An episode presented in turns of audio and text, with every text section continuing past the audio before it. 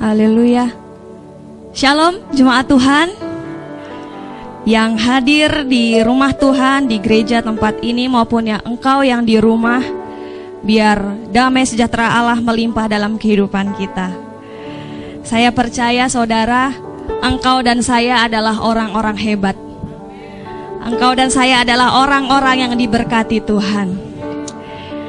Dan saudara, kita telah bersama-sama minggu lalu merayakan ulang tahun gereja kita. Saya ada satu kalimat yang saya kutip dari Bapak Gembala saat menyampaikan firman bahwa dikatakan Tuhan lebih disukakan oleh hati yang percaya.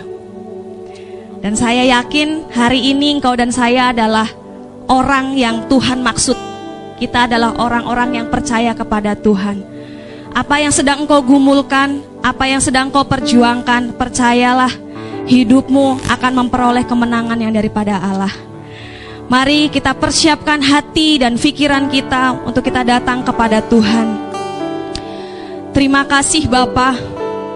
Engkau Bapa yang sangat baik, teramat baik dalam hidup kami. Pada hari ini kami membawa ucapan syukur kami yang terbaik lewat puji-pujian kami. Kami percaya Engkau bertahta atas segala pujian yang kami naikkan. Engkau hadir di rumahmu. Engkau hadir di rumah jemaatmu di mana pun mereka berada. Kami percaya kuasamu melimpah dalam kehidupan anak-anakmu Tuhan. Terima kasih Bapak, terima kasih. Dan kami mau bawa pujian, hormat serta syukur kami yang terbaik sembah syukur kami dibawa di hadapanmu Tuhan. Sebab kasihmu yang terlebih besar dalam hidup kami. Melampaui segala akal. Melampaui segala kekuatan hidup kami Tuhan. Engkaulah yang terbesar dalam hidup kami. Terima kasih Bapa. Terima kasih Yesus. Mari umat Tuhan. Naikkan pujian ini sedalamnya samudra dalamnya samudra. Luasnya cakrawala tiada yang melebihi kasihmu oh Tuhan. Dia pandang kita berharga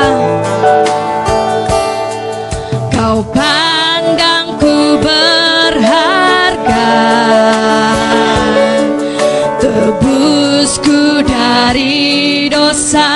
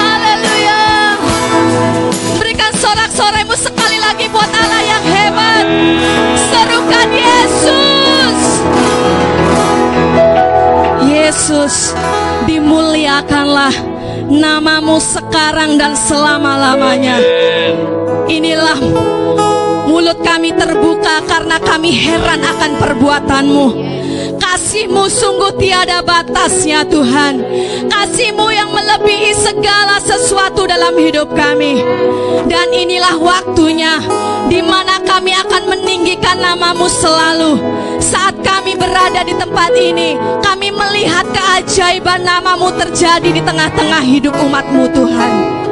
Bekerjalah terus Tuhan. Sepanjang ibadah kami Mulai awal hingga akhirnya Lawatan Tuhan terjadi di rumahmu dan di rumah masing-masing umatmu. Kami percaya saat kami pulang Kami membawa damai sejahtera daripada engkau ya Allah. Terima kasih Yesus. Terima kasih Bapa. Kami sorakan haleluya. Dan kami siap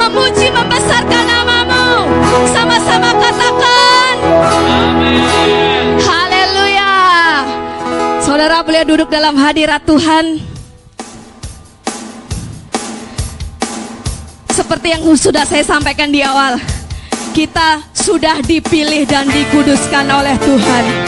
Firman Tuhan berkata, Dia telah memilih dan menguduskan hidup kita. Waktunya kita memberitakan kebenaran Tuhan ke segala bangsa-bangsa lewat kesaksian kita, lewat kehidupan Mari naikkan pujian ini dengan kesungguhan hati kita. Kita dipilih dan dikuduskan. Kita dipilih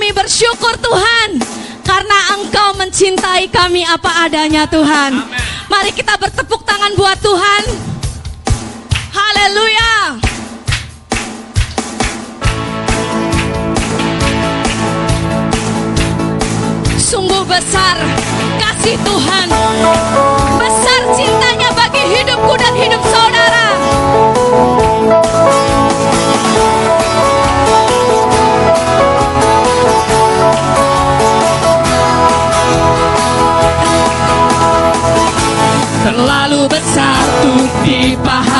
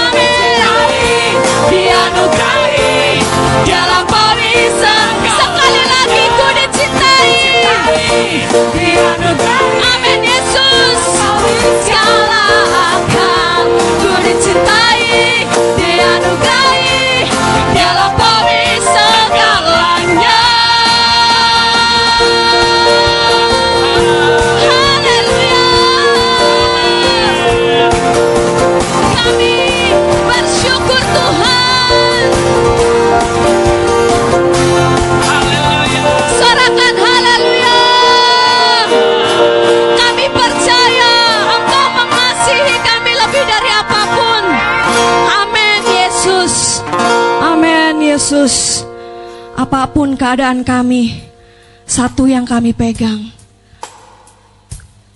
Pandanganmu terhadap kami tidak pernah berubah. Kami anak-anak kesayanganmu Tuhan. Terima kasih Yesus. Terima kasih buat cintamu. Haleluya. Haleluya Yesus.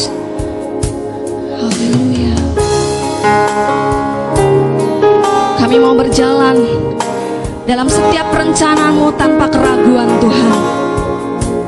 Inilah iman percaya kami. Haleluya Yesus. Takkan ragu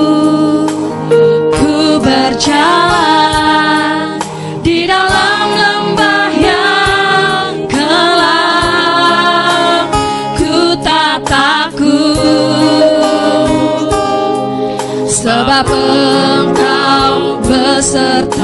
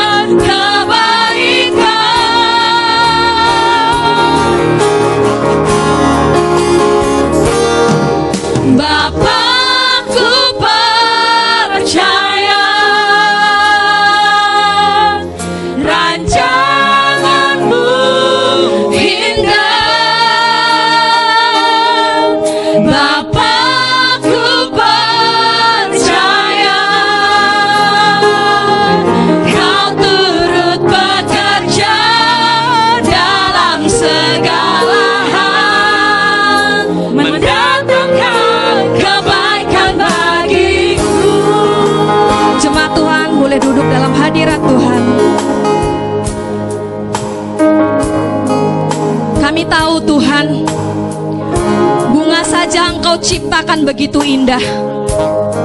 Apalagi hidup dan masa depan kami. Tetapi satu hal yang kami ingat Bunga yang indah Juga melalui proses yang panjang. Jika hidup kami saat ini sedang melalui dalam proses hidup kami, kami mau percayai, kami akan menerima bunga yang indah itu dalam hidup kami.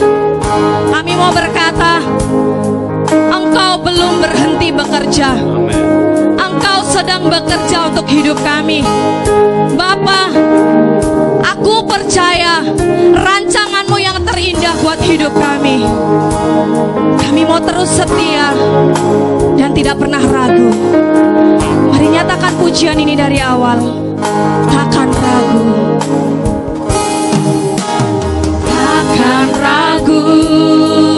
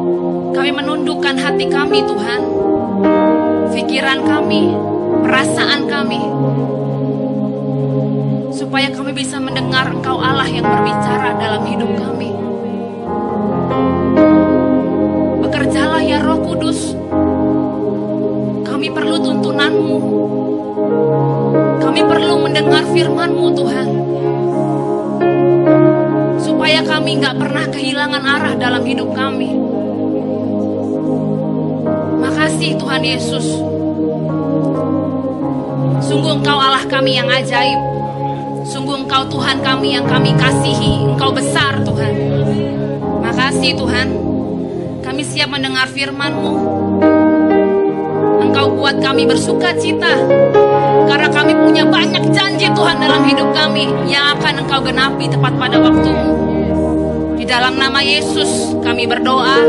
Haleluya. Amin. Dengan suara-suara bagi nama Tuhan. Saudara boleh kembali duduk. Saya senang saudara bisa lihat wajah-wajah di tempat ini.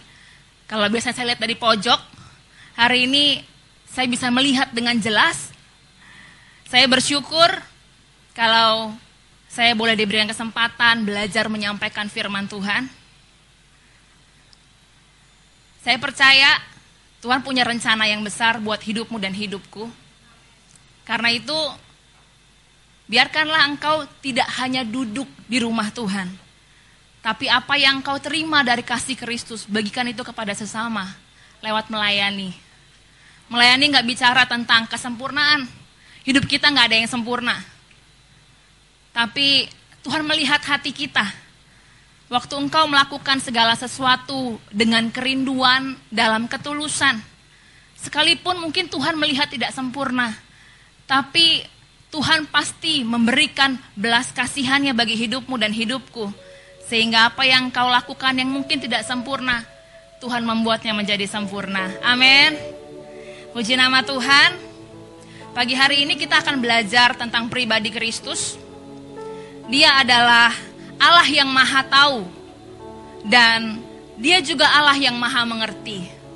Haleluya. Mari baca dari ayatnya di Mazmur 139 ayat yang pertama sampai yang ke-14.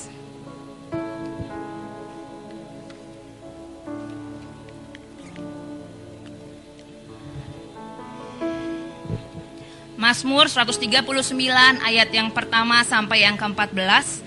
Saya akan baca ayat yang pertama, saudara yang kedua, begitupun selanjutnya sampai ayat yang ke-14. Doa di hadapan Allah yang Maha Tahu. Untuk pemimpin biduan Mazmur Daud. Tuhan, Engkau menyelidiki dan mengenal aku.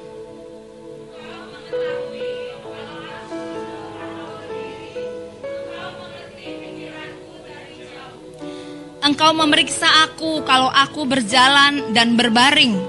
Segala jalanku kau maklumi. Sebab sebelum lidahku mengeluarkan perkataan, sesungguhnya semuanya telah kau ketahui ya Tuhan. Dari belakang dan dari depan engkau mengurung aku, dan engkau menaruh tanganmu ke atasku. Terlalu ajaib bagiku pengetahuan itu, terlalu tinggi, tidak sanggup aku menyampai, mencapainya. Ke mana aku dapat pergi menjauhi rohmu? Ke mana aku dapat lari dari hadapanmu? Jika aku mendaki ke langit, engkau di sana. Jika aku menaruh tempat tidurku di dunia orang mati, di situ pun engkau. Jika aku terbang dengan sayap fajar dan membuat kediaman di ujung laut, sana tanganmu akan menuntun aku, dan tangan kananmu memegang aku. Jika aku berkata, biarlah kegelapan saja melingkupi aku, dan terang sekelilingku menjadi malam. Maka kegelapan pun tidak menggelapkan bagimu, dan malam menjadi terang seperti siang, kegelapan sama seperti terang. Sebab engkaulah yang membentuk buah pinggangku, menuntun aku dalam kandungan ibuku. Aku bersyukur kepadamu oleh karena kejadianku dahsyat dan ajaib. Ajaib apa yang kau buat dan jiwaku benar-benar menyadari. Haleluya. Firman Tuhan berkata dalam ayatnya yang pertama, Tuhan engkau menyelidiki dan mengenal aku. Engkau mengetahui kalau aku duduk atau berdiri. Engkau mengerti pikiranku dari jauh. Sebab sesungguhnya dia Allah yang maha tahu. Dia mengenal kita. Dia tahu bagaimana masa lalumu yang mungkin orang nggak tahu tentang engkau. Dia tahu apa yang hari-hari ini sedang engkau jalani secara pribadi. Bahkan dia tahu apa yang akan engkau hadapi di depan sana. Saya ibaratkan Tuhan itu seperti orang tua kita, ayah kita atau ibu kita. Orang tua akan melihat perkembangan anak-anaknya. Dari dia kecil, kapan dia siap memasuki masa remaja, kapan dia siap menjadi pribadi yang dewasa, kapan dia siap memasuki umur-umur berumah tangga, kapan bahkan kalau orang tua kita mungkin waktu kita sudah berumah tangga agak lepas tangan mungkin ya, tapi Tuhan gak pernah seperti itu. Bahkan sampai lanjut usiamu, Tuhan Allah yang peduli, pedulikan engkau. Kalau orang dunia bisa bilang, hidup itu penuh misteri, ngeri.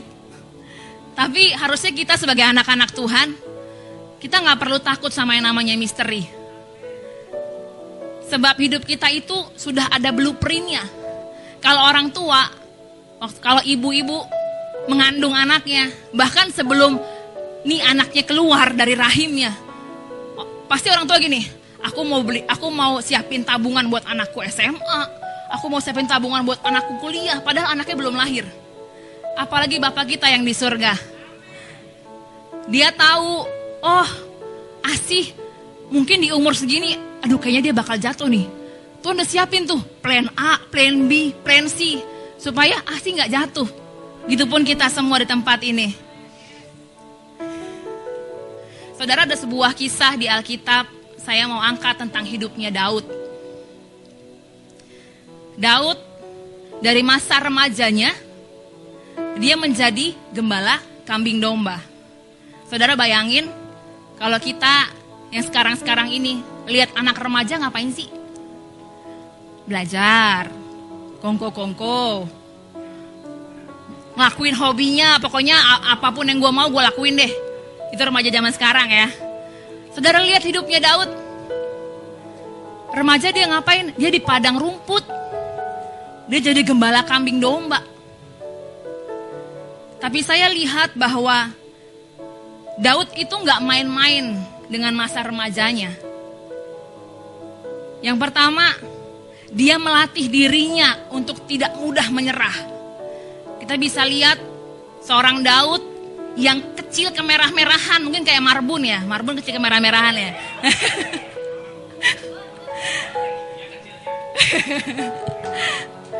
Tapi Daud kita lihat seorang remaja yang kecil kemerah-merahan, dia sanggup menghadapi singa dan beruang. Demi apa? Demi menjaga apa yang menjadi kewajibannya, jagain kambing domba.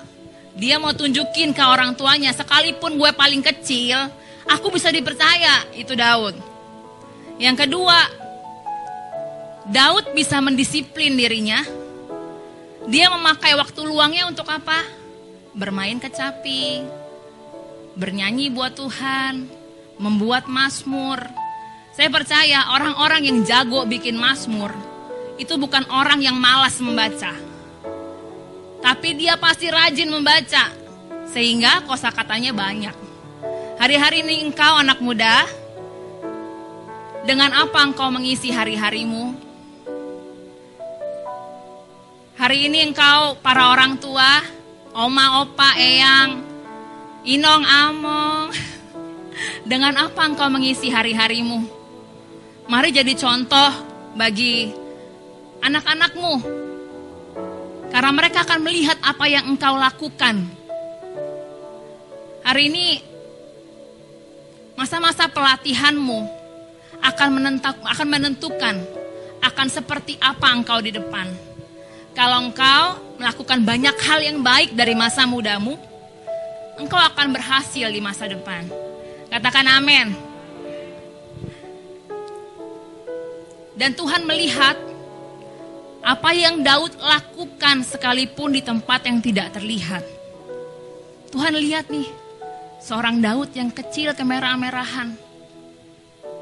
Ternyata dia sanggup mendisiplin dirinya dia sanggup membangun dirinya. Sehingga apa? Tuhan memilih dia menjadi seorang raja. Kita bisa lihat sama-sama waktu, eh saya hari ini bercerita aja gak apa-apa ya saudara ya. Waktu dia menjadi seorang raja, dia diurapi menjadi seorang raja. Apakah hidupnya menjadi lebih baik? Iya mungkin secara materi dia lebih baik. Tapi kita lihat hidup Daud penuh dengan perjuangan.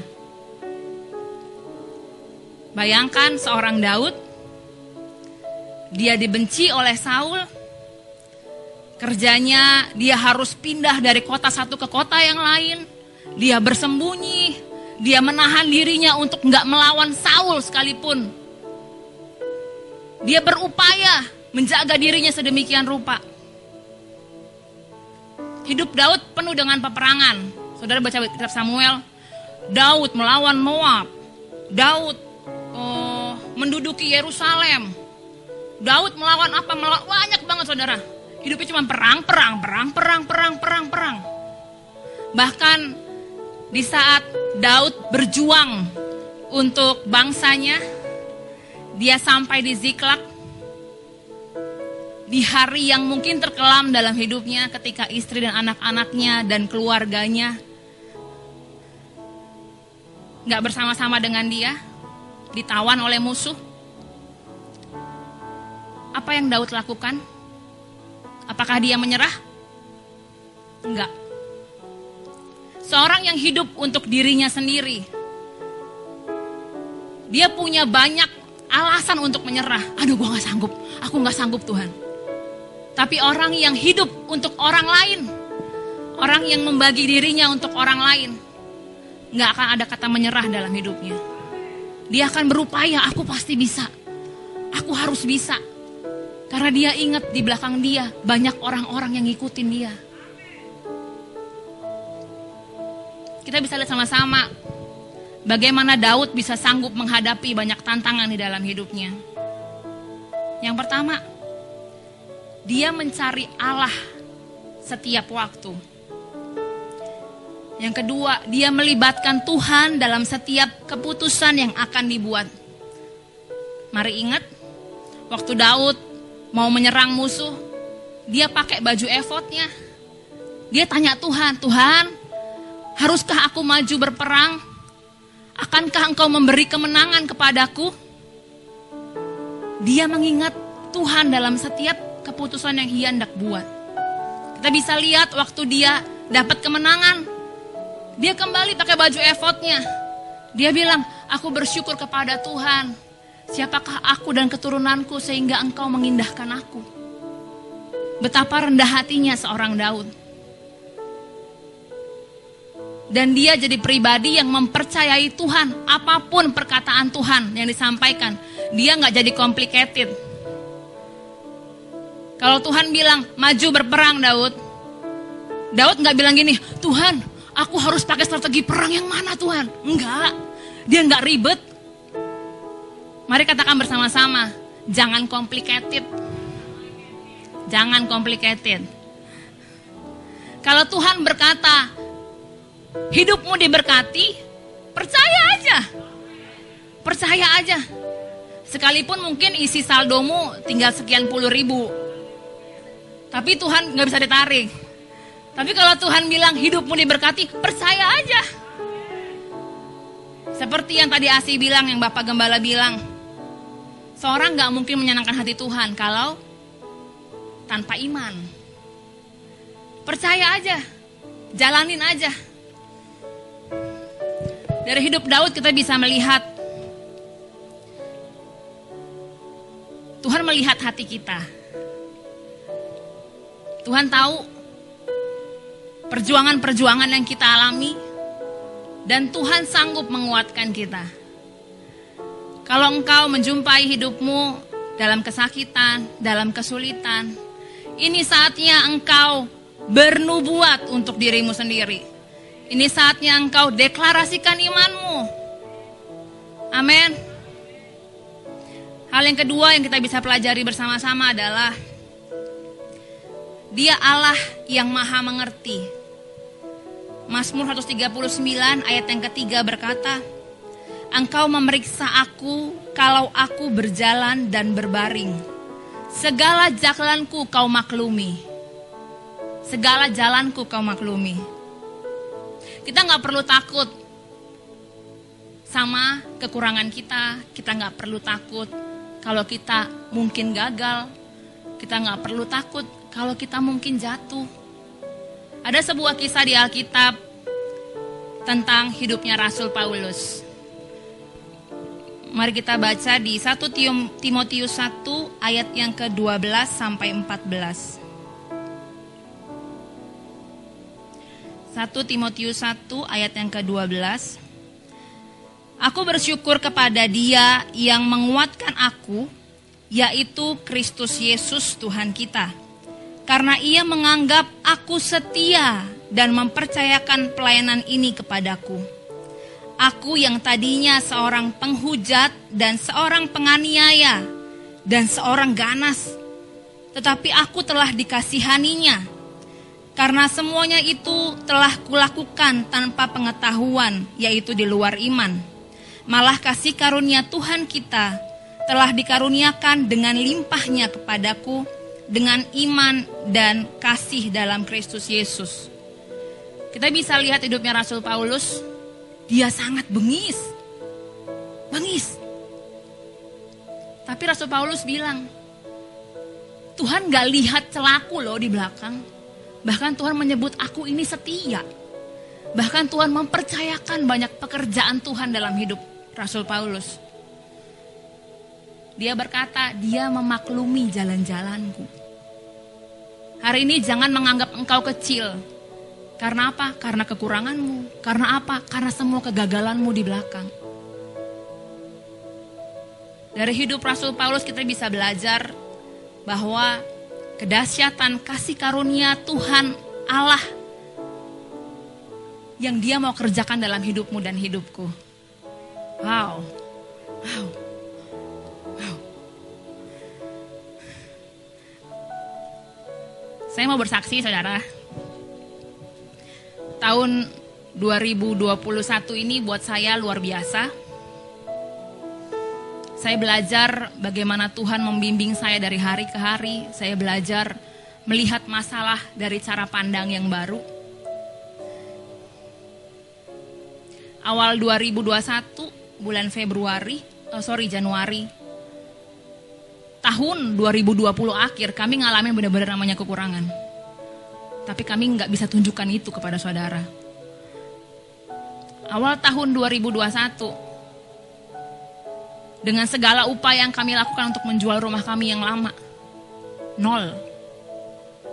Tapi tiba-tiba Tuhan mengirimkan seorang pembeli, saya kita bilang. Tanggal 25 Januari saat saya ulang tahun, tanggal 26 tiba-tiba kami deal. Rumah kami laku.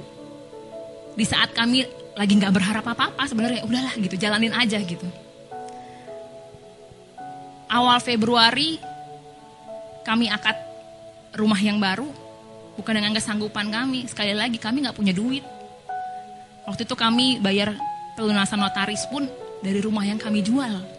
Kalau itu rumah nggak laku kami nggak bisa akad rumah sebenarnya. Haleluya. Mungkin kalau saya boleh bercanda awal tahun tuh lagu saya Tuhan Yesus baik. Waduh baik banget kayaknya Tuhan. Akhir Februari saya mengandung anak yang kedua. Oh, lagunya masih sama. Tiada berkesudahan. Oh, pokoknya awal tahun tuh indah banget buat kami. Indah banget.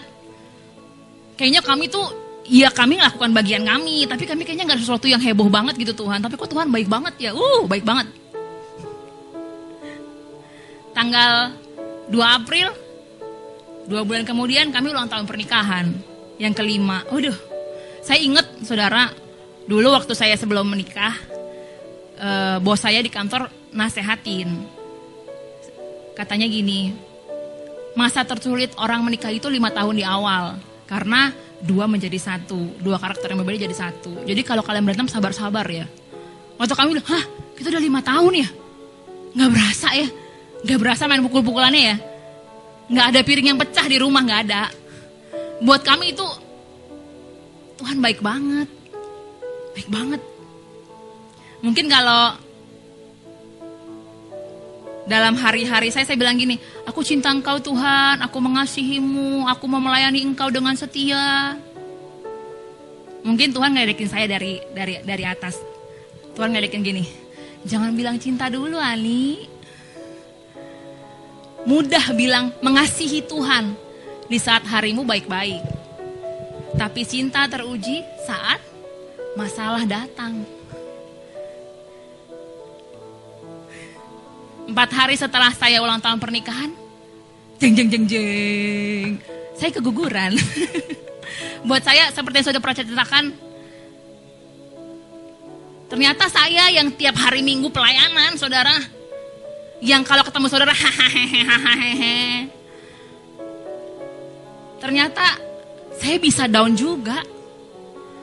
Ternyata saya bisa mempertanyakan Tuhan juga tuh. Saya saya down banget saat itu. Saya bilang, Tuhan, kenapa engkau gak kasih peringatan sama aku? Tuhan, kenapa engkau bisa ngomong buat orang lain lewat aku? Tapi kok Tuhan gak ngomong tentang aku? Wow, semuanya tentang aku, aku, aku, aku, aku, aku.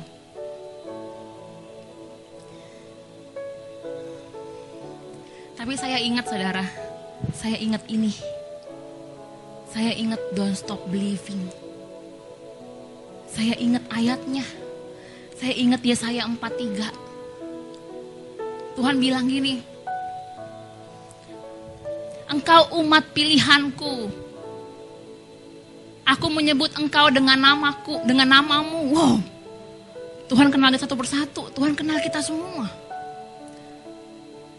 Tapi Tuhan peringati kita. Nih ya anakku, kalau engkau ikut aku, kalau engkau jadi anakku, engkau akan lihat ada sungai kesulitan, ada api penindasan, ada hal-hal menyakitkan di depanmu. Saudara, waktu kita ikut Tuhan, masalahnya nggak jadi hilang gitu aja. Kita nggak boleh jadi anak-anak Tuhan yang gampangan. Jangan sedikit-sedikit bilangnya, Tuhan, lalukanlah masalahku. Tuhan, kirimkanlah orang-orang memberkatiku. Mari rubah caramu berdoa. Coba saudara bilang, Tuhan, sekalipun aku dalam lembah kekelaman, aku tidak takut bahaya sebab engkau besertaku. Tuhan, Aku menghadapi masalah, ajarin aku melihat masalah dengan cara pandang yang baru. Tuhan kasih aku kekuatan. Kalau menghadapi masalah, ingat janjinya. Melalui api, melalui sungai yang dalam, melalui banyak kesulitan, aku menyertai engkau. Di momen waktu saya jatuh, waktu saya lagi down banget, saya bilang gini, aku salah apa sih Tuhan? Aku salah apa sih? Saudara, waktu engkau menghadapi masalah, jangan buru-buru menghakimi dirimu sendiri. Saudara ingat kisahnya Ayub. Justru orang-orang pilihan Tuhan makin banyak digodain setan. Makin banyak masalahnya. Saya ingat suami saya cuma bilang kayak gini. Jadi saya semingguan lebih ya, kerjanya nangis mulu. Lihat film lagi happy hahaha, saya nangis. Ngelihat gembala khotbah nangis. Lihat bunyi mas main gitar dikit nangis. Yang dilihat apa? Makam anak saya doang, diliatin aja. Disayang-sayang, kesannya kayak apa gitu. Kalau saya ingat-ingat di waktu lalu geli banget saudara beneran geli. Apaan sih dulu gue kayaknya kayak orang yang paling apa ya yang paling terluka gitu. Ma, sebenarnya malu saya. malu gitu. Tapi saya ingat suami saya bilang gini, rilis perasaan kamu. Salurkan perasaan kamu. Bukan cuma nangis. Bersaksi waktu itu dibilang, bersaksi. Saya dalam hati gini, bersaksi apa gue? Orang kerjanya nangis mulu. Ingat Tuhan juga enggak. Pelayanan kayaknya waktu itu flat banget gitu buat saya. Tapi waktu saya coba untuk bersaksi, jujur saya nggak persiapan saat itu. Saya nggak tahu saya mau ngomong apa. Jadi kalau saya bilang Tuhan kalau saya berlibat ya Tuhan tahu lah ya. Tuhan tahu hati saya. Tapi waktu saya berdiri di depan, tiba-tiba Roh Kudus ingetin, Tuhan tidak pernah tidak berbicara tentang hidupmu. Waktu engkau lihat ada kakak-kakak rohani, ada gembalamu yang mendatangimu. Bukankah itu pertolongan Tuhan? Wah, saya nangis saudara dalam hati. Nangis saya. Waktu engkau lihat adik-adikmu berjuang dari rumah ke rumahmu, jagain Aldrich, ngajak dia main, ngasih dia makan, sementara kamu di kamar cuma nangis. Bukankah itu pertolongan Tuhan? Oh iya Tuhan. Iya Tuhan. Saudara jangan pernah takut untuk bersaksi. Bersaksi itu tidak hanya saat engkau terima berkat Tuhan. Mudah untuk bersaksi saat engkau terima berkat Tuhan. Tapi saat engkau bersaksi karena engkau ngalamin perjuangan imanmu melewati masalahmu, Tuhan lihat itu. Tuhan lihat itu. Waktu engkau dalam masalah, engkau bersaksi, itu bukan cuma curhat. Bukan cuma ngomongin membesar-besarkan masalahmu. Tapi declare janji Tuhan. Saya ingat saya cuma bilang kayak gini. Mungkin saat ini saya keguguran. Tapi saya percaya Tuhan memberkati kandungan saya.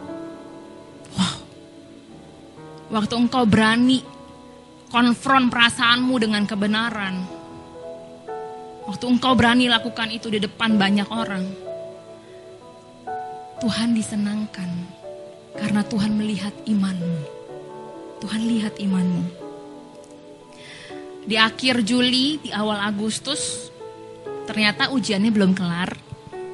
Kami ngalamin kena COVID sekeluarga. Apakah saya yang menangis? Saya nangis juga saudara tapi kalau masalah membuatmu menangis, cepet-cepet apa? Cepet-cepet usap air matamu, hapus air matamu. Engkau bisa berkata, aku nggak perlu takut. Di kiri kanan depan belakang engkau memagari aku dengan anugerahmu. Waktu kami, puji Tuhan, dapat melalui masa sulit saat kena COVID, Tuhan ngajarin saya, saudara. Tiba-tiba saya ingat waktu saya keguguran. Saya bilang sama Tuhan gini, Tuhan makasih ya, Engkau mengizinkan aku keguguran. Aku nggak tahu Tuhan kalau di saat itu aku masih mengandung dan saat ini aku kena COVID. Saudara bayangin kalau saya kena COVID, usia kandungan saya mungkin 7-8 bulan, hamil gede, kena COVID, harus ngurus satu keluarga. Tuhan tahu aku nggak sanggup ternyata. Apa yang kita pikir sebagai masalah, Mungkin itu justru jalan keluar pertolongan Tuhan. Saudara ingat-ingat baik-baik apa yang kau pikir sebagai masalah. Ternyata itu pertolongan Tuhan. Ingat bangsa Israel di padang gurun 40 tahun. Orang Israel bilang apa? Ngapain sih Tuhan? Ngajak aku jauh-jauh. Cuman demi membuat kami kayak gini 40 tahun. Padahal justru sebaliknya, Tuhan lihat bangsa Israel nggak sanggup kalau harus bertempur langsung. Dibikin dulu keliling-keliling.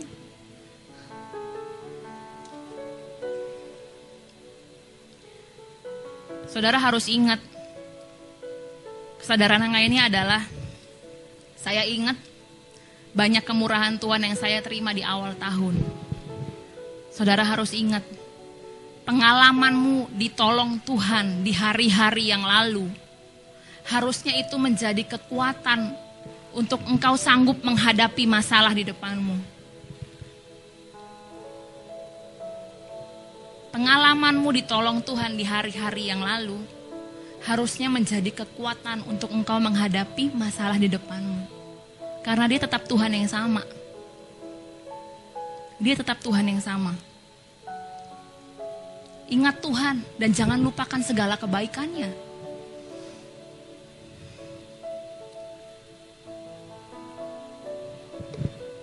Saya mau kembali kepada Mazmur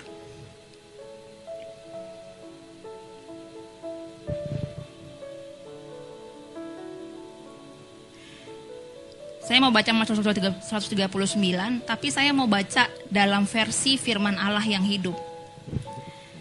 Ya Tuhan, Engkau telah menyelidiki hatiku dan mengetahui segala sesuatu mengenai aku.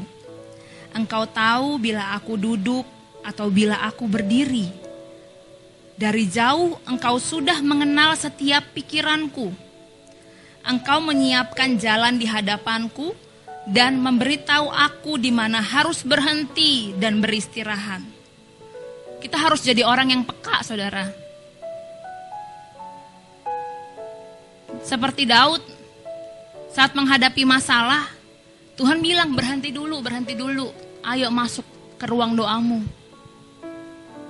Saat engkau terima banyak berkat, Tuhan bilang berhenti dulu, berhenti dulu. Ayo masuk ruang doamu. Setiap saat engkau tahu di mana aku berada. Engkau tahu apa yang akan kukatakan bahkan sebelum aku mengucapkannya. Engkau berada di hadapanku maupun di belakangku dan meletakkan tanganmu yang penuh berkat di atas kepalaku. Wow. Tuhan bilang Tuhan meletakkan tangannya yang penuh berkat di atas kepalamu. berkat orang benar ada di atas kepalanya. Wow. Betapa mulia dan menakjubkan semua ini. Mana mungkin aku lari dari rohmu. Mana mungkin aku menjauh dari Allahku. Jika aku naik ke surga, engkau ada di situ. Jika aku turun ke tempat orang mati, engkau ada di situ. Jika aku mengendarai angin pagi ke lautan yang paling jauh, di situ pun tanganmu akan menuntun aku. Kekuatanmu akan mendukung aku. Jika aku mencoba bersembunyi di dalam kegelapan, malam berubah menjadi terang di sekelilingku. Karena kegelapan pun tidak dapat bersembunyi dari Allah. Bagimu malam adalah secerah siang hari. Bagimu kegelapan dan terang sama saja Engkaulah yang membuat bagian-bagian halus dalam tubuhku dan menenunnya di dalam rahim ibuku. Terima kasih karena engkau telah membuat aku dengan begitu menakjubkan. Sungguh mengagumkan kalau direnungkan. Buatan tanganmu sungguh ajaib dan semua ini kusadari benar. Wow. Betapa Tuhan membuat hidup kita semua sangat berharga Mahal saudara, hidupmu mahal. Hidupmu mahal. Saya mau simpulkan, apa pun kondisimu saat-saat ini, entah engkau dalam kemalangan, atau engkau merasa kayaknya hidupku flat-flat aja Tuhan, atau engkau kehilangan, ataupun Engkau sedang ada di masa-masa engkau dipromosi. Engkau terima banyak berkat Tuhan. Allah rindu mencurahkan kasih karunia-Nya untuk menjadikan kita mengalami perubahan yang dahsyat dalam rencananya yang ajaib buat hidupmu dan hidupku. Sebab dia Allah yang maha tahu dan maha mengerti. Dia sanggup menolongmu, mengubah dan memberkati kita dengan sangat luar biasa. Mazmur ini sebenarnya adalah ungkapan seorang yang mengalami Tuhan dalam kehidupan yang sangat pribadi. Daud tahu saudara, saudara bayangin, dia seorang pemimpin melalui banyak hal yang gak enak, yang pahit. Kepada siapa dia mau cerita? Kalau bukan kepada Tuhan. Daud merasa aman. Dia merasa tenang, berserah kepada Tuhan. Saudara, kalau engkau ngalamin masa-masa yang pahit, saudara ingat, ungkapkanlah kekhawatiranmu di dalam doa dan permohonan dalam ucapan syukur. Saudara harus ingat, kalau engkau menghadapi masalah, yang pertama itu harusnya berdoa dulu. Ya, mencari pemimpin. Tapi yang pertama engkau harus berdoa dulu. Damai sejahtera Allah yang melampaui segala akal memelihara hati dan pikiranmu di dalam Kristus Yesus. Waktu engkau berdoa, engkau akan disegarkan lagi. Engkau akan dikuatkan lagi. Sehingga waktu engkau mencari pemimpinmu, bukan berkeluh kesah semata-mata. Amin. Kalau hari-hari ini engkau diberkati, kalau hari-hari ini engkau terima promosi, ingat juga kembali kepada Tuhanmu. Berkat yang kau terima tidak hanya untuk dirimu sendiri. Minta sama Tuhan belas kasihan untuk orang lain. Dan jangan malu-malu untuk bersaksi. Masa setiap bulan yang bersaksi cuma amang tampu?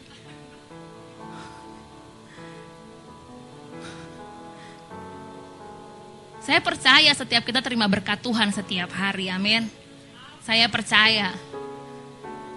Jangan jadi orang yang pelit terima berkat Tuhan cuma untuk dirimu sendiri. Saksikan.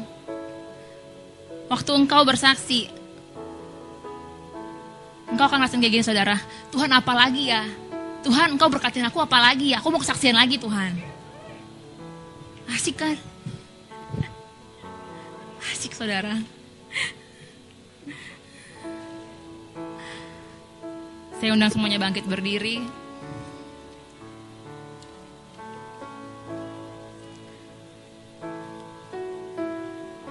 Ingatlah Tuhan dalam setiap lakumu, dia akan meluruskan jalan di depanmu.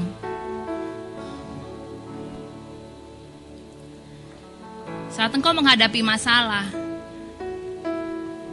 itu saatnya Tuhan menunjukkan keajaiban kuasanya dalam hidupmu. Jangan cari orang dunia untuk menasehatimu. Itu nomor yang kesekian. Cari Tuhan, cari pemimpinmu, cari kakak rohanimu. Cari orang yang berani tidak sepakat dengan engkau untuk kebenaran.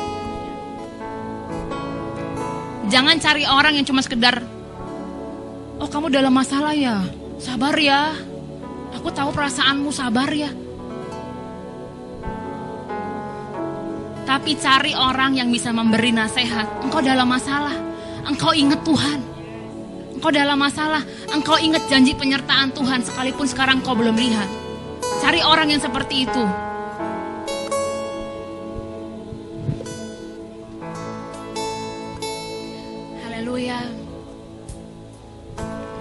Ada sebuah lagu baru yang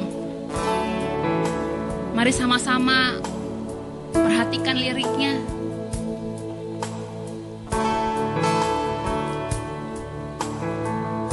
Ucapan syukur mengubah segala keadaanmu. Engkau tahu ke mana engkau dapat berlari kepada Tuhan yang memberi rasa aman. Saya akan, saya dan singer akan menyanyikan lagu ini. Saudara mari nikmati.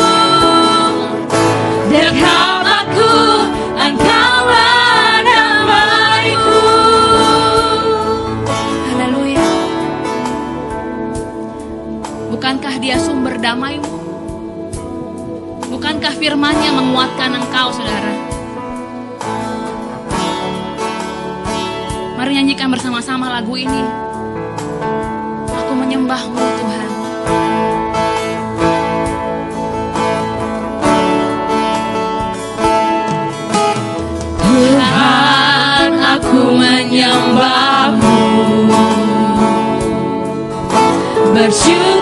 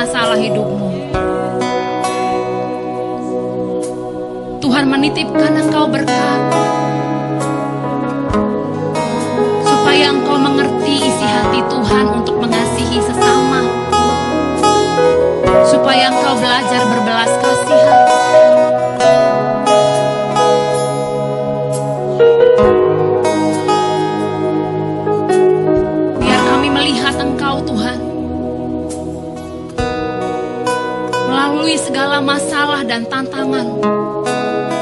Kami mau melihat Engkau Tuhan.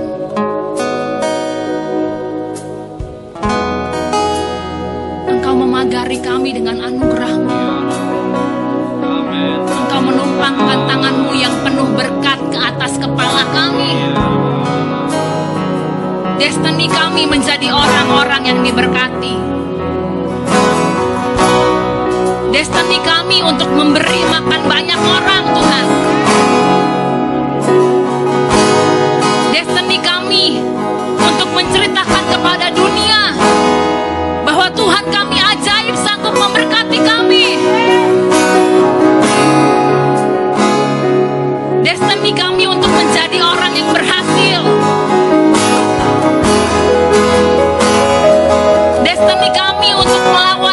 Una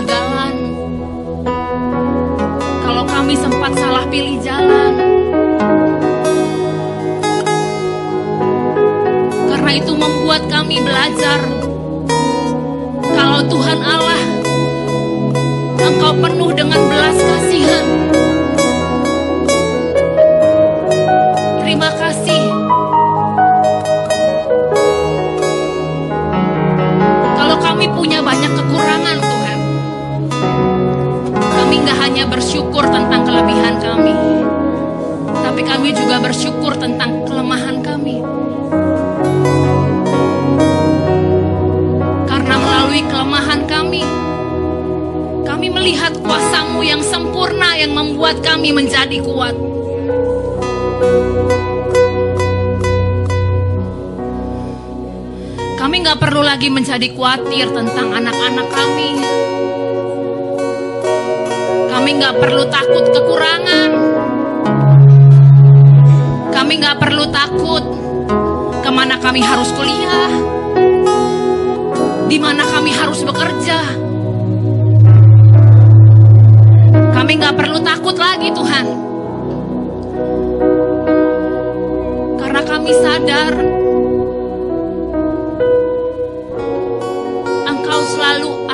dalam setiap bagian hidup kami. Kami nggak perlu takut tentang hari tua kami. Sebelum kami memikirkannya, Engkau telah merancangkan kebaikan Tuhan. Ini waktunya buat kami mempersiapkan diri kami. Kami tidak hanya mencari Engkau di gereja, kami mencari Engkau dalam setiap waktu hidup kami. Kami tahu dengan apa kami harus mengisi hidup kami. Dengan melakukan kebenaran, dengan mengerjakan kebenaran, dengan mencari kebenaran. Kami tahu cara menilai diri kami.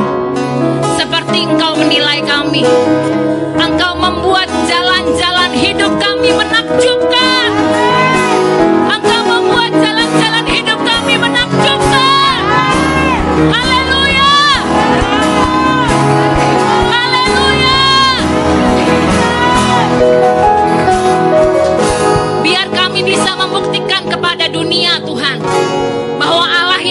Sembah Allah yang hidup.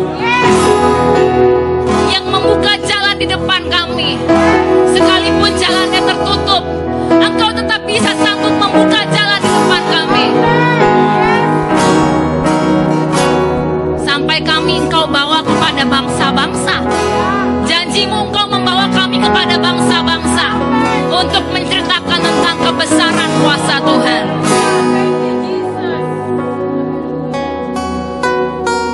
Biar kami tidak menukar Engkau dengan berkat apa pun. Biar kami nggak cuma cari Engkau karena kami mau diberkati Tuhan.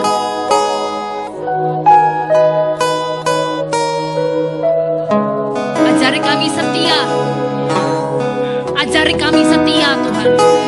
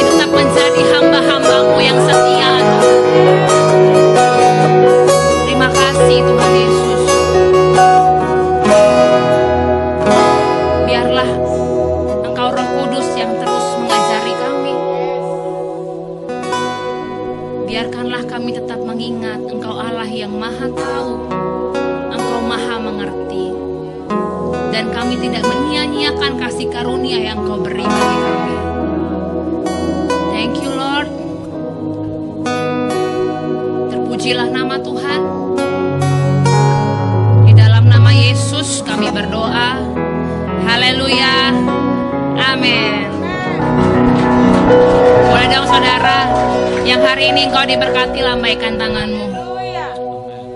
Terus alami Tuhan dalam sepanjang waktu hidupmu. Dia Allah yang maha tahu. Saya serahkan kembali kepada WL.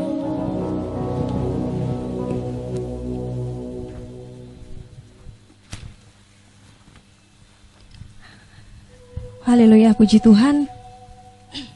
Amin. Dia adalah Allah yang maha tahu dan mengerti kehidupan kita. Apa pun yang saya dan saudara alami hari-hari ini, kita mau jadi seperti Daud. Hari-hari kita isi dengan bermasmur dan memuji Tuhan. Amin. Baiklah, puji nama Tuhan. Sebentar saya akan sampaikan uh, pengumuman untuk kegiatan gereja kita seminggu ke depan. Pada hari ini, Minggu 26 September 2021, informasi yang pertama saya sampaikan hari Rabu tanggal 29 September 2021 akan diadakan ibadah pasutri pukul 7 malam online via Zoom. Informasi detailnya akan disampaikan melalui grup pasutri. Kemudian yang kedua, pada hari Jumat tanggal 1 Oktober, wow pas ya, awal bulan, 1 Oktober 2021 pukul 7 malam akan diadakan persekutuan doa youth di sekretariat GPI Kemah Pujian. Jadi ini perdana kita tatap muka kembali, kita melakukan ibadah tetap dengan protokol kesehatan yang ada. Baik, puji Tuhan. Jika ada informasi tambahan, tidak ada. Baik, e, sebentar kita akan bersama-sama memberikan persembahan untuk Tuhan. Saya sampaikan persembahan mulai minggu ini akan diadakan kembali dua, dua kali dan kantong biru di minggu ini akan dialokasikan untuk persembahan diakonia. Jadi bagi setiap jemaat Tuhan kita akan memberikan persembahan mulai minggu ini dua kali. Kemudian bagi setiap jemaat Tuhan yang di rumah, persembahan bisa ditransfer ke rekening bendahara gereja maupun dititip ke sekretariat GPK Pujian. Baik, kita akan bersama-sama uh, mempersiapkan persembahan kita dan kita akan berdoa kepada Tuhan. Terima kasih Tuhan, kami telah menerima banyak berkat dari Engkau lewat pekerjaan, lewat orang-orang yang Tuhan utus untuk hidup kami. Dan hari ini waktunya kami akan memberikan persembahan kami yang terbaik buat Engkau, Tuhan yang telah kuduskan dan sucikan menjadi persembahan yang memuliakan namamu. Biarlah lewat berkat yang kami terima, nama Engkau saja yang dipermuliakan. Terima kasih Bapa, diberkatilah orang-orang yang melayani Engkau, mengedarkan maupun mengelola, berkat Allah melimpah atas hidup mereka. Terima kasih Yesus, kami siap memberikan persembahan dengan sukacita. Di dalam nama Tuhan Yesus kami telah berdoa. Haleluya. Amin. Sambil kita memberikan persembahan, kita angkat pujian yang berkata, Aku ingin selalu berada di hadiratmu Tuhan.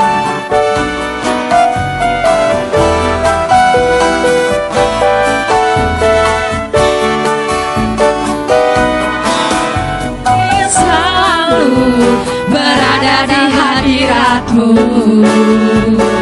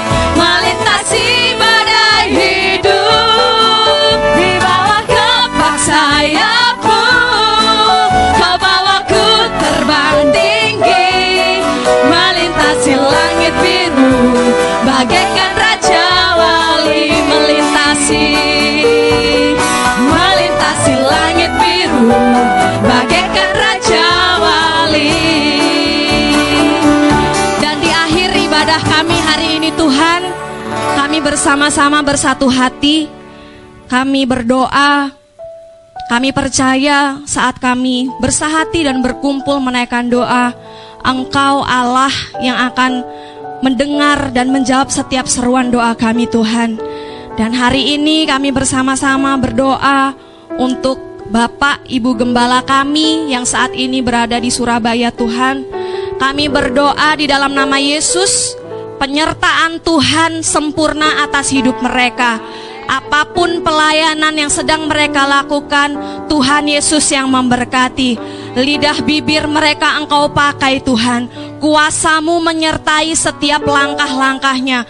Kuasamu menyertai setiap pekerjaan tangannya.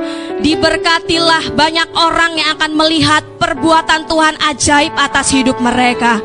Diberkatilah, diberkatilah kembali di Jakarta dengan keadaan sehat, selamat, bersuka cita, berkumpul dengan keluarga masing-masing Tuhan. Dan kami berdoa, kami percaya untuk berkat yang mereka terima mengalir bagi setiap pemimpin-pemimpin gereja kami. Tim manajemen, pemimpin kelompok kecil, bahkan pelayan-pelayan Tuhan kami berdoa, berkat Tuhan melimpah atas hidup kami. Kami percaya Engkau pakai kami lebih luar biasa lagi untuk memberkati banyak orang-orang di sekeliling kami. Diberkatilah jemaat GPI Kemah Pujian. Pekerjaan, kesehatan, pendidikan anak-anak kami diberkati di dalam nama Yesus. Terima kasih Bapak. Dan kami mengangkat tinggi tangan kami, kami berdoa untuk bangsa kami Indonesia. Kami bersyukur buat setiap kemajuan-kemajuan yang baik Engkau nyatakan bagi bangsa kami. Engkau belum berhenti bekerja, terus bekerja untuk pertumbuhan bangsa kami Tuhan, untuk pemulihan bangsa Indonesia. Bangsa kami akan pulih sempurna, akan sembuh total di dalam nama Yesus. Diberkatilah pemimpin bangsa kami, Pak Jokowi, dan setiap jajaran Tuhan yang ada di bangsa ini. Diberkatilah pemimpin-pemimpin kami yang takut akan Tuhan, yang bersih hatinya, yang bersih pikirannya. Diberkatilah bangsa kami Tuhan di dalam nama Yesus. Dan kami percaya sepanjang minggu ke depan, bulan ke depan, tahun ini kami percaya ada blessingmu yang melimpah bagi setiap kami. Ini adalah waktunya kami akan bersuka cita akan ke setiap kebaikan Tuhan dalam hidup kami. Terima kasih Bapak, terima kasih. Dan di akhir ibadah kami hari ini, kami akan sama-sama terima berkat dari Engkau melalui Bapak Horasdo.